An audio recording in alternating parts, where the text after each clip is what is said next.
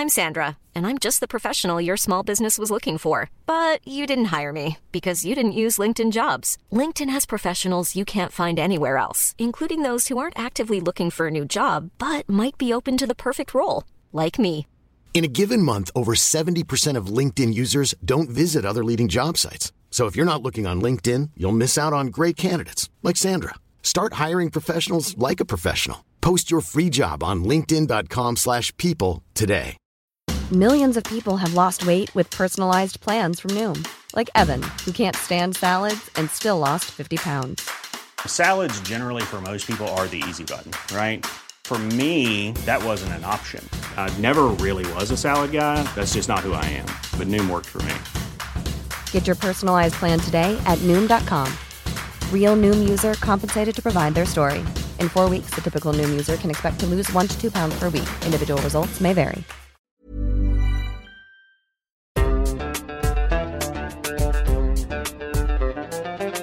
بودكاست صوت.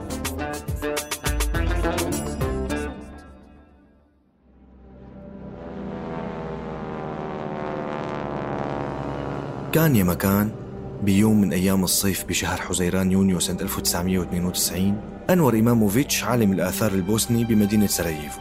عم يحاول يدخل لمركز المدينة بعكس كل المدنيين اللي تركوها هربانين من القصف. عم يمشي بين الأبنية المهدمة والمحترقة من حارة لحارة ويحاول يهربوا من القنص والقصف يلي عم يضربوا صرب البوسنة على الطرف المسلم من المدينة. وصل لطرف جسر فوق النهر. النهر بيفصل شقي المدينة عن بعضهم ومراقبه قناص عم يستنى أي شخص يمرق امرأة رجل طفل أي شيء عم يتحرك لحتى يقنصه لازم تركض بسرعة كتير لتتجاوز الجسر. الخوف عم يزيد والمدينة ما فيها غير المقاتلين والموت معشش بكل الزوايا. بس أنور مصمم يدخل على المتحف. هذا المتحف يلي فيه آلاف الكتب والمخطوطات التاريخية يلي بيرجع عمر بعضها لألف سنة. بتحكي تاريخ سراييفو وأهلها وتاريخ البوسنة. بس هو كان جاي مشان كتاب محدد. كتاب عمره حوالي 650 سنة ورحلته كانت طويلة. من برشلونة للبندقية لسراييفو. الكتاب هو الهاجادا اليهودية من أهم المخطوطات اليهودية وأقدمها. وأنور كان خايف الجنود الصرب البوسنيين يحرقوا المتحف بيلي فيه مثل ما حرقوا المكتبة العامة بسراييفو وحرقوا معها حوالي مليونين كتاب لا تقدر بثمن.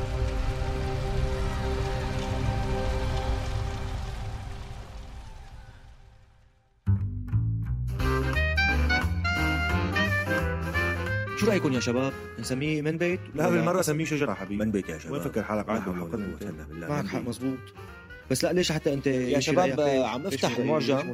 آه، من بيت من مرادفات كلمة أصل وإذا أخذنا الأصل الجذر اللغوي اهلين وسهلين ومرحبتين ببودكاست من بيت من إنتاج صوت معي أنا بشر نجار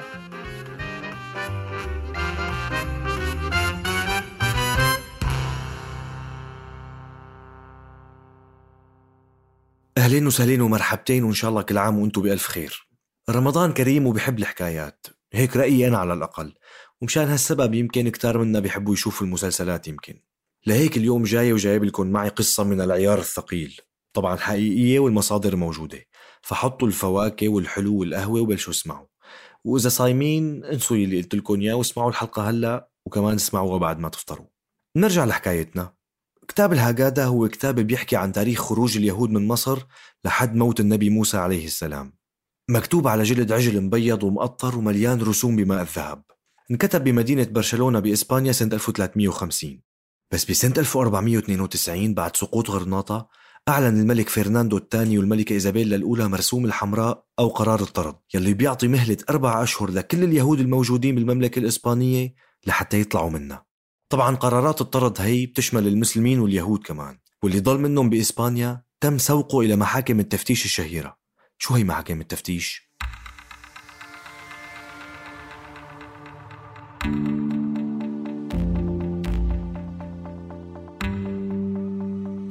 الحقيقة كان التعايش بين الأديان بالأندلس شيء مشهور أطلق عليه الباحثين لاكومبيبنثيا بالإسباني أو التعايش تآلف بس بعد سقوط غرناطة ضل في مسلمين كتير ويهود بإسبانيا تحت حكم الممالك الإسبانية المتحدة. وقالوا الملوك هدول لكل المسلمين واليهود يا بتقلبوا مسيحيين يا طلعوا برات إسبانيا.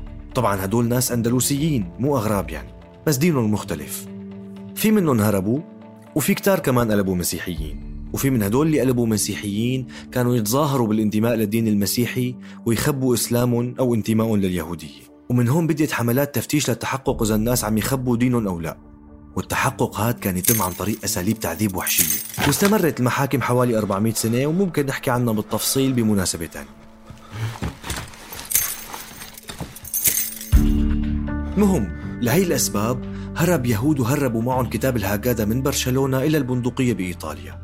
وصلت لإيدين الكنيسة الكاثوليكية هنيك اللي كانت كتير قاسية وصارمة. تحرق أي كتاب في محتوى لا يتناسب مع قيمها وصل الكتاب لإيدين الرقيب جيوفاني فيستوريني. اللي فحصه وتأكد من خلوه من أي شيء بيعارض قيم الكاثوليكية. ومع هيك سمح بتمرير بعض الأمور مثل رسم كروي للأرض مع أنه الكنيسة كانت تقول أنه الأرض على شكل قرص.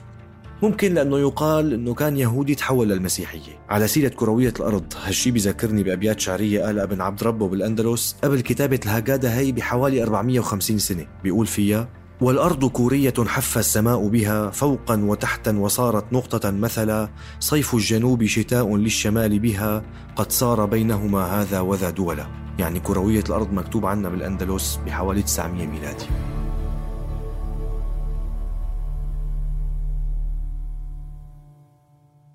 ما لكم بالطويل جيوفاني وافق على مرور الكتاب بعبارة revisto da mi. عبارة باللاتيني معناها تمت مراجعته من قبلي. بعدين اختفت الهاجادا لحوالي ثلاث قرون ورجعت ظهرت وباعها رجل يهودي اسمه جوزيف كوهين لمتحف البوسنة والهرسك الوطني بسراييفو سنة 1894 1895 طيب ليش سراييفو بالذات؟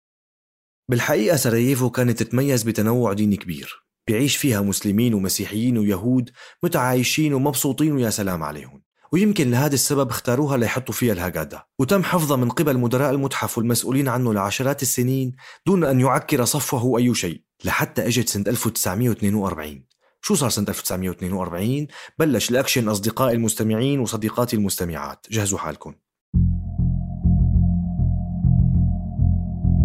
من قبل بداية الحرب العالمية الثانية كانت الحكومة النازية بألمانيا عم تحاول بشتى السبل أنه تلغي وجود اليهود ثقافيا وتلغي وجودهم من ألمانيا لأنها بتشوف أنهم عرق أقل من العرق الآري الألماني ولأنها بتشوف فيهم صفات أدنى بحسب تعبيرها. المهم وقت بلشت الحرب العالمية الثانية صارت الحملات عليهم ممنهجة بمعسكرات الاعتقال بألمانيا وحتى تمت ملاحقتهم خارجها بالأماكن اللي احتلوها النازيين بأوروبا خلال هالحرب ومن هالدول هي البوسنة والهرسك.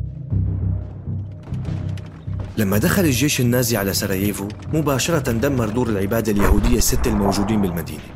وبعد أسبوع وبالتحديد ب 16 نيسان أبريل سنة 1942 يعني من حوالي 79 سنة تماما اجى الضابط النازي يوهان فورتنر وطلب الهاجادة من مدير المتحف الوطني لحتى يتلفها. المدير نشف دمه.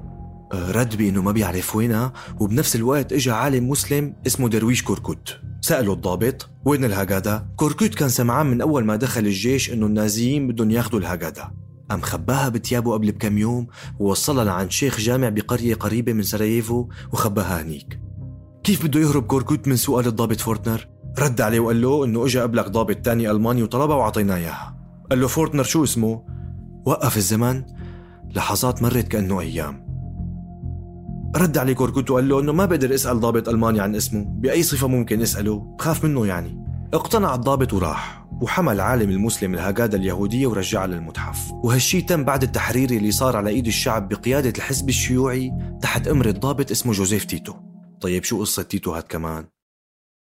تيتو وحد يوغوسلافيا اللي بتضم ست جمهوريات هن صربيا، كرواتيا، البوسنة والهرسك، سلوفينيا والجبل الأسود ومقدونيا.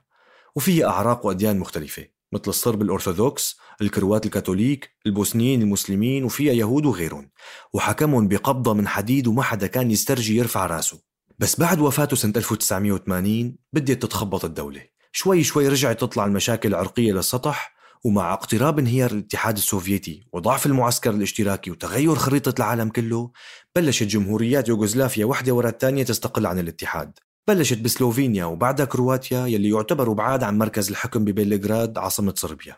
ومع هيك الاستقلال صار بعد نزاعات مسلحة وحروب أمر بشنها الرئيس الصربي الشهير سلوبودان ميلوزوفيتش يلي كان بده يحافظ على يوغوسلافيا موحدة تحت قيادة الصرب وقيادته. وكان يعتمد كتير على إثارة المشاكل العرقية والدينية بين الصرب والكروات وبين الصرب والمسلمين.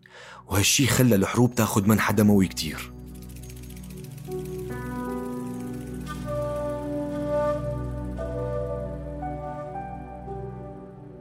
الجمهورية الثالثة اللي كان بدها تستقل يا أصدقائي هي البوسنة والهرسك. بس اختلافها عن كرواتيا وسلوفينيا هو إنها كانت أقرب لصربيا جغرافيا يعني على حدود صربيا. بالإضافة لأنه نسبة الصرب فيها كبيرة تصل لأكثر من 30% من عدد السكان. يعني البوسنة والهرسك كان فيها 30% صرب أو حوالي 50 ل 60% مسلمين وفيها كروات وفيها أعراق تانية. بعكس كرواتيا وسلوفينيا يلي يعتبروا أكثر تجانسا عرقيا. مباشرة عرضوا صرب البوسنة الاستقلال وقالوا إنه بدهم يضلوا مع صربيا بيوغوسلافيا موحدة. والحكي كان تحت قيادة الطبيب رادوفان كراديتش والجنرال راتكو ملاديتش وجابوا أسلحة من صربيا بدعم رئيسها اللي حكينا عنه ميلوزوفيتش وبلشوا حرب على الجمهورية المستقلة حديثا برئاسة علي عزت بيغوفيتش. شو يعني؟ يعني صرب البوسنة عم يتقاتلوا مع مسلمين البوسنة وصرب البوسنة مدعومين من صربيا. والمسلمين بدهم يستقلوا ويعملوا دولة البوسنة والهرسك بمن فيها من صرب ومسلمين وكروات. وصرب البوسنة عندهم مشروع قومي إنهم يعملوا دولة كبيرة تضم كل الصرب تحت قيادة صربيا اسمها يوغوسلافيا. آسف كتير أسماء وتفاصيل بعرف بس معلش تحملوني شوي رح نرجع للب القصة. بس كان لازم أحكي لكم الحكاية من منبتها.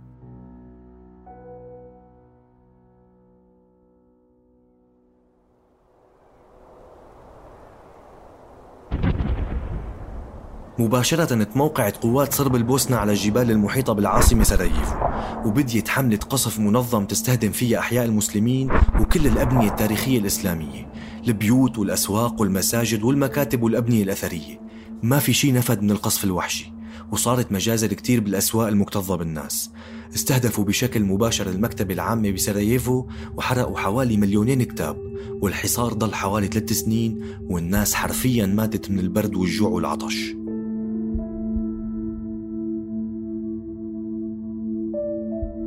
صرب البوسنة كانوا عم يحاولوا يحرقوا ويدمروا أي شيء ذو أصل إسلامي بوسني لحتى يمحوا وجودهم أصلا من ذاكرة البلد. تطهير عرقي مو بس للبشر للكتب والثقافة والتاريخ كمان.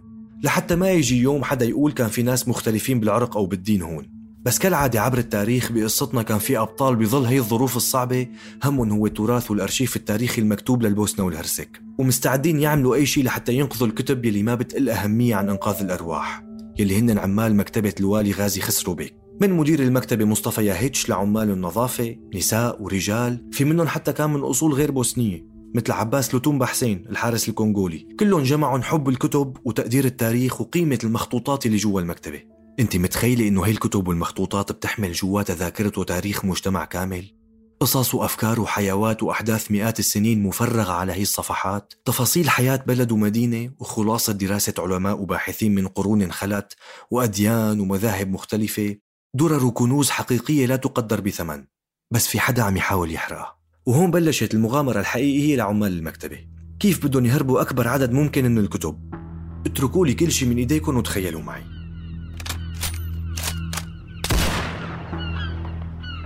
المدينة محاصرة القناصين بكل مكان انت ما بتشوفهم بس هن بيشوفوك. أي شيء بيتحرك بقنصوه مدني أو عسكري كبير أو صغير رجل أو امرأة رح ينقنص. الناس جوعانين من الحصار والدمار بكل مكان. ومصطفى ويلي معه همهم ينقلوا كتب ومخطوطات من المكتبة يلي موجودة على خط النار. بس هن مراقبين كيف ممكن ينقلوا الكتب بدون ما حدا ينتبه. طلعوا بفكرة كراتين أو صناديق الموز.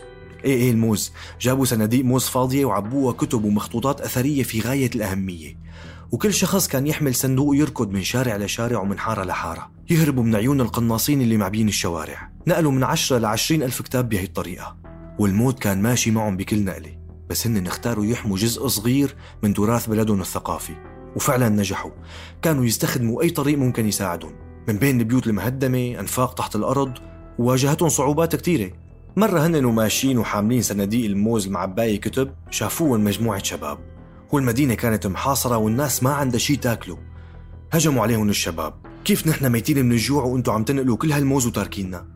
وبعد ما اكتشفوا إنه الموجود بصناديق كتب تركوهم يكملوا طريقهم والكتب اللي أنقذوها اليوم موجودة بأبو المكتبة ومحميين من كل أنواع التطرف يلي بيحارب الموروث الثقافي. ايا كان مصدر هذا التطرف. كتب لا تقدر بثمن لعلماء بوسنيين وغير بوسنيين. مكتوبة بالعربي والفارسي والتركي والبوسني وغيرها من اللغات. حاملة جواتها تاريخ بلدهم يلي حفظوه لما هربوا هاي الكتب. نرجع لعند قصتنا كتاب الهاجادا عالم الآثار البوسني أنور إماموفيتش يلي بلشنا فيه قصتنا ما قدر يترك البلد ويروح بدون هالكتاب المهم. بعد ما رجع على المتحف وهرب من القناصة دخل هو والآذن تبع المتحف وكم شخص مسلحين من المدافعين عن المدينة. وخلال وقت قصير لازم يلاقوا الهكذا يلي أصلا ما بيعرف وينها غير شخصين مدير المتحف ونائبه واثنيناتهم تركوا المدينة. وبديت عملية بحث بين آلاف وآلاف الكتب ثمان ساعات من البحث والضغط والتوتر. القصف ممكن يطول المتحف بأي لحظة. ممكن الجنود الصرب البوسنيين يقتحموا المكان يقتلوا الموجودين وياخذوا الكتاب. ضلوا يدوروا ضلوا يدوروا لحتى لقوه بالآخر بغرفة الحراق تبع الشوفاج. حملوا إماموفيتش وشمه. شم ريحة الجلد العتيق وشاف الحواف المذهبة وآثار القرون الطويلة. قال للناس اللي معه خلص لقيناه.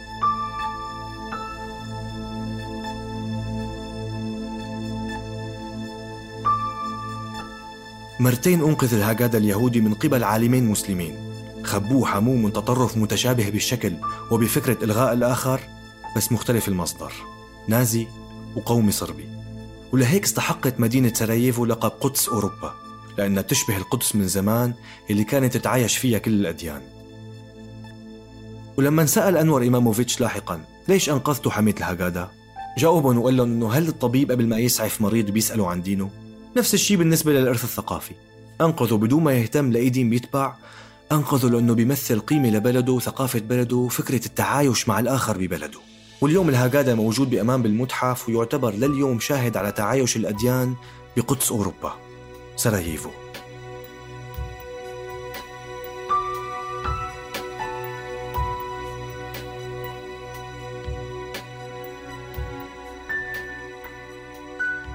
بالنهاية هالقصة يمكن بتذكر بأحداث مشابهة صارت بعدة دول عربية بس للأسف بكتير حالات ما كان في مجال لحماية الإرث الثقافي مهما كان مصدره.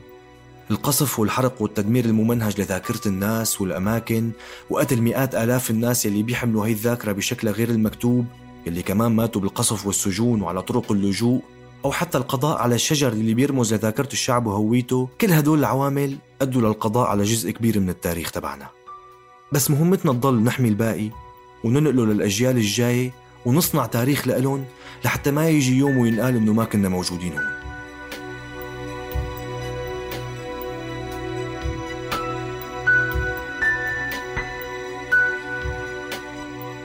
كنا معكم بالإعداد والتقديم بشر نجار من التحرير جنى قزاز بالهندسة الصوتية محمود أبو ندى ومن التدقيق بيان عروري.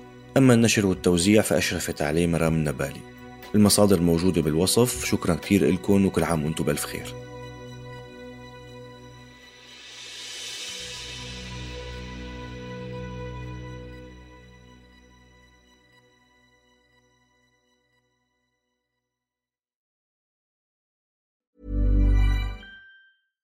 When you make decisions for your company, you look for the no brainers. And if you have a lot of mailing to do, stamps.com is the ultimate no brainer. It streamlines your processes to make your business more efficient, which makes you less busy. Mail checks, invoices, legal documents, and everything you need to keep your business running with stamps.com.